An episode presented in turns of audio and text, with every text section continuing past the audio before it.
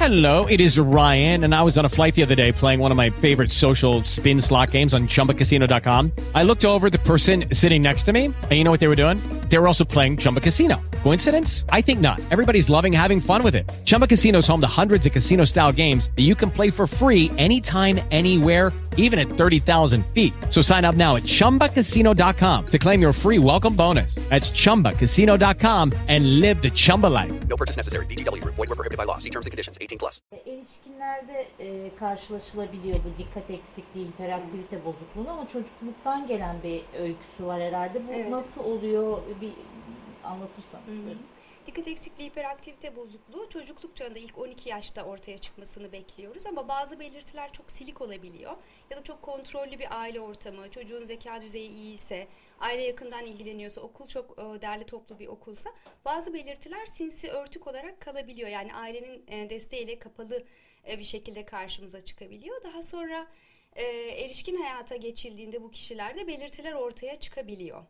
Aslında toplumda yaygınlığı yüzde 4.4 e, oldukça sık. Yani etrafımızda gördüğümüz her 25 kişiden biri dikkat eksikliği hiperaktivite bozukluğu olgusu olabilir.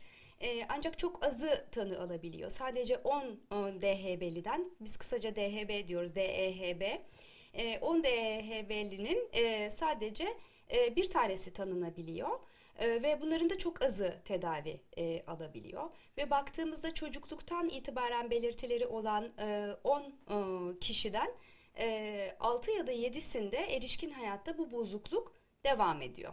Hı hı, tamam. E, fakat bu erişkinlikteki e, belirtiler çocukluktaki belirtilerden biraz daha farklı olabiliyor. Çocuklukta daha e, hareketlilik e, varsa eğer e, e, erişkin hayatta bu hareketlilik biraz yatışabiliyor. Dürtüsellik biraz yatışabiliyor. Ya da dikkat eksikliği belirgin olan tiplerde e, bu işte sosyal çekiniklik, e, içe kapanıklık gibi görünebiliyor, atlanabiliyor. Erişkin hayatta aslında karşımıza daha farklı tablolarla çıkıyor e, işten ayrılmalar, e, evlilik sorunları, alkol madde kullanım bozukluğu, şiddete eğilim, trafik kazaları, yaralanmalar, özellikle silahlı yaralanmalar, kavgaya karışmalar gibi e, bir takım özellikleri görebiliyoruz. Ya da birçok sağlık sorunuyla karşımıza çıkabiliyor. Obezite e, gibi, e, sağlığına dikkat edememe gibi. Çünkü dikkat eksikliği hiperaktivite bozukluğunda bir olaya başlayamama, sürdürememe, sonuçlanamama, sonuçlandıramama gibi özellikleri görebiliyoruz. E, hızlı e, karar veriyorlar, e, çabuk e, pes ediyorlar, çabuk bıkıyorlar. E, genellikle böyle maymun iştahlı gibi tanımlanabiliyor bu kişiler. E, dolayısıyla verdikleri kararları sürdürmekte zorlanabiliyorlar. E, iş, evlilik, başka seçimlerde bütün kararlarda bir e, ya dürtüsellik ya iyi düşünülmemiş ya da e, sürdürülememiş sonuçları görebiliyoruz. Evet. Peki e, mesela işte toplumu etkileyecek meslekler yaptıklarında hı. nasıl bir sonuç doğuruyor? Örnekler vererek Hı hı. söylerseniz mesela işte otobüs bileyim, doktorluk gibi. Çok sık sorulan bir soru. E, işte ehliyet kullanmalılar mı, silah kullanabilirler mi gibi. E, Şimdi aslında toplumda çok yaygın pek çok kimse var e, önemli görevlerde yer alan ve DHB'li olan. E, Bu aslında kişilerin e, işini mesleğini yapmasına engel bir durum değil. Kontrol altındaysa e, ilaç tedavisiyle ya da terapilerle çok güzel sonuçlar alabiliyor insanlar hayatında.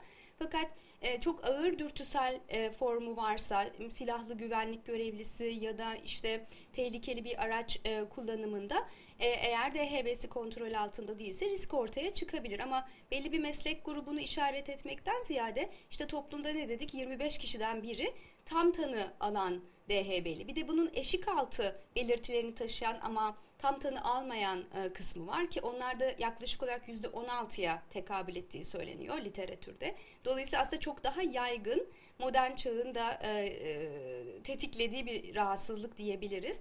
Dolayısıyla trafikteki herkes için bir risk faktörü olabilir. Hepimiz için, kendimiz için de mesela DHB'lileri evde çok sık, evde ya da dışarıda kazalar geçirirler. Ölümlü yaralanmaları daha çok yaşarlar. Örneğin tedavi olmuş DHB'lilere bakıldığında tedavi olmamışlarla kıyaslandığında kazalarda ya da ölümlü kaza oranlarında azalma olduğu gösterilmiş tedaviyle birlikte. Ee, çok önemli bir halk sağlığı problemi aslında evet. Ama tabii e, dediğiniz gibi tanı almış vaka sayısını 25'te 1 olarak görüyoruz. Aslında daha fazla olabilir. Peki kişiler bende bu mu var diye nasıl düşünmeliler? 25'te 1'in onda biri tanı alabiliyor. Yani 25'te bir görülüyor. Onun da ancak 10 tanesinden bir kişisi tanı alabiliyor. Çok e, az tanınıyor. Çünkü genellikle hepimizde görülebilecek, herkeste görülebilecek bazı belirtiler biraz daha aşırı olarak görülebiliyor. Örneğin işte hareketlilik, çabuk sıkılma, toplantılarda oturama, oturamama, işe gitmekte isteksizlik, e, duygu durumda dalgalanmalar, alkol madde kullanımı, gibi birçok özellik. İşte e, söylediğimizde biz bazen danışanlarımıza sizde bu teşhis olabilir. E bu arkadaşımda da var, bu söylediğiniz e, şunda da var, bunda da var. Herkeste yok mu denilen belirtiler aslında. O yüzden tanı koyması zor oluyor ama herkeste bu belirtilerden iki tanesi varken alt alta yazdığımızda bu kişide belki 10 tanesi, 15 tanesi çıkıyor. Dolayısıyla kişinin yaşamını ya da ailesinin, etrafının yaşamını, konforunu, işlevselliğini bozduğu noktada biz diyoruz ki size bir takım ölçekler uygulayacağız, bir takım sorular soracağız ve e, bunları alt alta koyduğumuzda e, siz de ben de bu teşhisin sizde olduğuna ikna oluyorsak e, bir e, tedavi yoluna gideceğiz ve oradan da e, aldığımız sonuçlarla teşhisimizde netleşeceğiz diyoruz. Bazen iş yeri, bazen aile görüşmeleri yapmamız gerekebiliyor. Çünkü kişiler kendilerinin bu özelliklerini karakter özellikleri olarak e, algılamış olarak büyüyorlar. Çünkü çocukluktan beri geldiği için işte ben tembelimdir, ben onu istemem, ben şunu sevmem, ben zaten zora gelemem gibi anlattıkları pek çok durumu aslında biz tedaviye başladıktan sonra aa yaşam böyle bir şeymiş, demek ki ben spora gidebiliyormuşum, demek ki ben projelerimi tamamlayabiliyormuşum, yüksek lisansımı bitirebiliyormuşum, işte pek çok e, sınav e, başarısızlığı olan e, örneğin Okay, round two. Name something that's not boring. A laundry? Ooh, a book club. Computer solitaire, huh? Ah, sorry, we were looking for Chumba Casino. That's right. ChumbaCasino.com has over 100 casino style games. Join today and play for free for your chance to redeem some serious prizes. ChumbaCasino.com.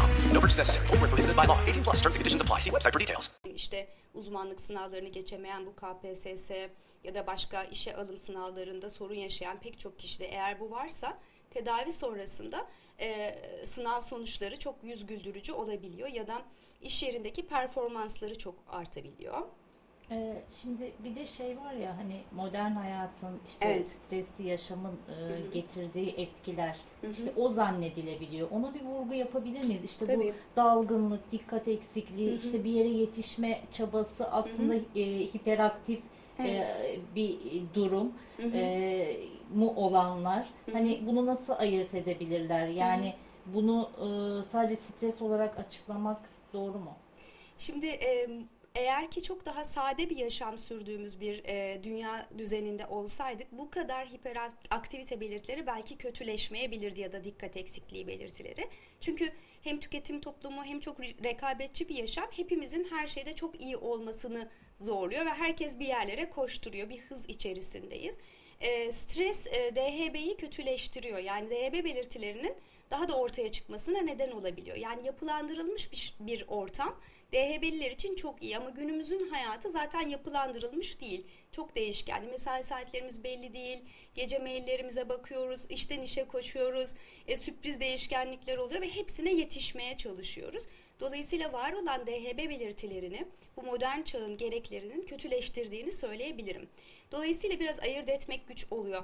E, hangisi DHB'li, hangisi o modern yaşamın getirdiği zorluklardan kaynaklanıyor. O yüzden zaten biz bir kişi bize başvurduğunda bundan şüphelendiğimizde evet sizde bu olabilir diyoruz ama e, emin olmak için ölçekler uyguluyoruz, görüşmeler yapıyoruz, tekrar tekrar gözden geçiriyoruz. Çocuk çocukluk çağına bakıyoruz ve ondan sonra verileri alt alta koyduğumuzda bu teşhise yönleniyoruz. Yani kişi de kendinde e, bir, bir takım olayları sürdürememez, e, evlilik e, ya da iş yaşamında, akademik hayatta sorunlar yaşıyorsa e, bununla ilgili belirtilere artık internette pek çok yerde bunun belirtileri var.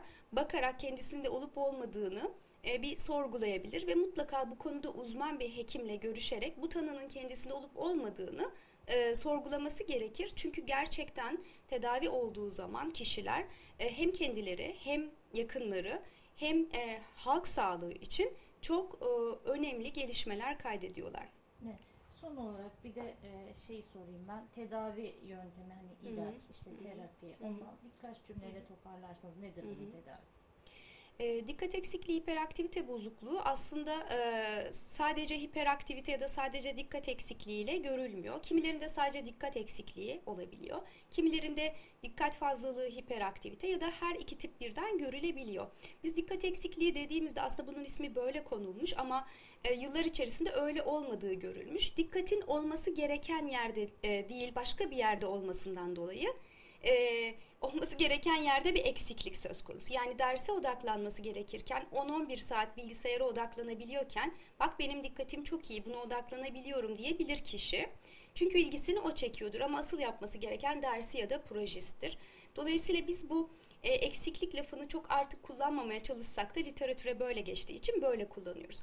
E, tedavi kişiye özel oluyor. İşte eksiklik mi var, dürtüsellik mi var, hiperaktivite mi var, karma tip mi var, kişinin beden yapısı nasıl, ek hastalık eklenmiş mi? Mutlaka de, e, DHB yanına başka bir hastalığı alıyor. Özellikle kaygı bozuklukları, panik bozukluk, obsesif kompulsif bozukluk, depresyon, tükenmişlik, intihar riski, alkol madde kullanım bozukluğunu çok sık görüyoruz. Dolayısıyla karşımıza çıktığında hangi hastalığı yanına almışsa bazen ilk önce onu tedavi etmek, sonra DHB tedavisini e, öne almayı düşünebiliyoruz. E, tedavide e, bir takım uyarıcı ilaçları kullanabiliyoruz. E, metilfenidat e, türevlerini kullanabiliyoruz ya da kaygı bozukluğu ön plandaysa daha çok o, o konuda işe yarayan atomoksetin grubu ilaçları kullanabiliyoruz. E, bazı vitaminler, bazı antidepresan kaygı gidericilerinde DHB tedavisinde yeri var. Ama ilaç hiçbir zaman tek çözüm değil, ilk çözüm de değil. E, kesinlikle önce kişiyi değerlendiriyoruz, tamamen kişiye özel bir tedavi tasarlıyoruz. İlaçsa ilaç, terapi ise terapi e, bunları kombine ediyoruz. Ama öncelikli olarak en önemli kısmı psikoeğitim dediğimiz e, bozukluğu tanımak, nasıl baş edeceğini öğrenmek, aileyi ya da iş yerini yerine göre bilgilendirmek. Çünkü bu kişiler böyle hani kötü bir tablo çiziyormuş gibiyiz ama etrafımızdaki birçok doktor, öğretmen, birçok yönetici DHB'li. Çünkü yaratıcılığı yüksek, risk alma özelliği yüksek olduğu için aslında birçok yeniliği ve gelişmeyi de bu kişilere borçluyuz. Dolayısıyla bu kişilerin e, kapasitelerini doğru kullanabilmeleri için e, hep birlikte çalışabiliriz ve tedaviyi buna göre planlıyoruz. E, ilaçlar çok yüz güldürücü sonuçlar e, aldırsa da ilaçlar bırakıldığında kişi yaşamında hiçbir şeyi değiştirmediyse baş etme stratejisi olarak e, eskiye geri dönebiliyor. Ama ilaç kullanılıp terapiyle de çok uygun e, bir planlama yapılarak hayat biçimi değişikliği sağlandığında ilaçları kessek dahi kişi eski hastalığına geri dönmüyor. Gayet güzeldi. Teşekkür ederim. Evet. Ee, uyarıcı ilaçlar dedim. Bununla ilgili çok sık sorulan bir şeydir. İşte bunlar e, kırmızı reçeteliler ve bağımlılık yaparlar mı diye. E, kesinlikle bağımlılık potansiyelleri DHB'de yoktur. E, üstüne üstlük DHB'lilerin e, bağımlılık riskleri herhangi bir maddeye, kumara, alkole ya da bir ilişkiye bağımlılık risk, ri- riskleri e, normal toplumdan daha yüksektir. Dolayısıyla biz bu uyarıcı ilaçları verdiğimizde bırakın bağımlı olmayı mevcut bağımlılıklarını da e, tedavi edebiliyoruz. E, bu konuda da gönülleri rahat olabilir. Bir de her önümüze gelene DHB'li demiyoruz. Herkese de ilaç başlamıyoruz. Bu konuda da bir ön yargı oluyor. Mutlaka olup olmadığını araştırmak için bir uzmanla görüşsünler. Teşekkür ederim.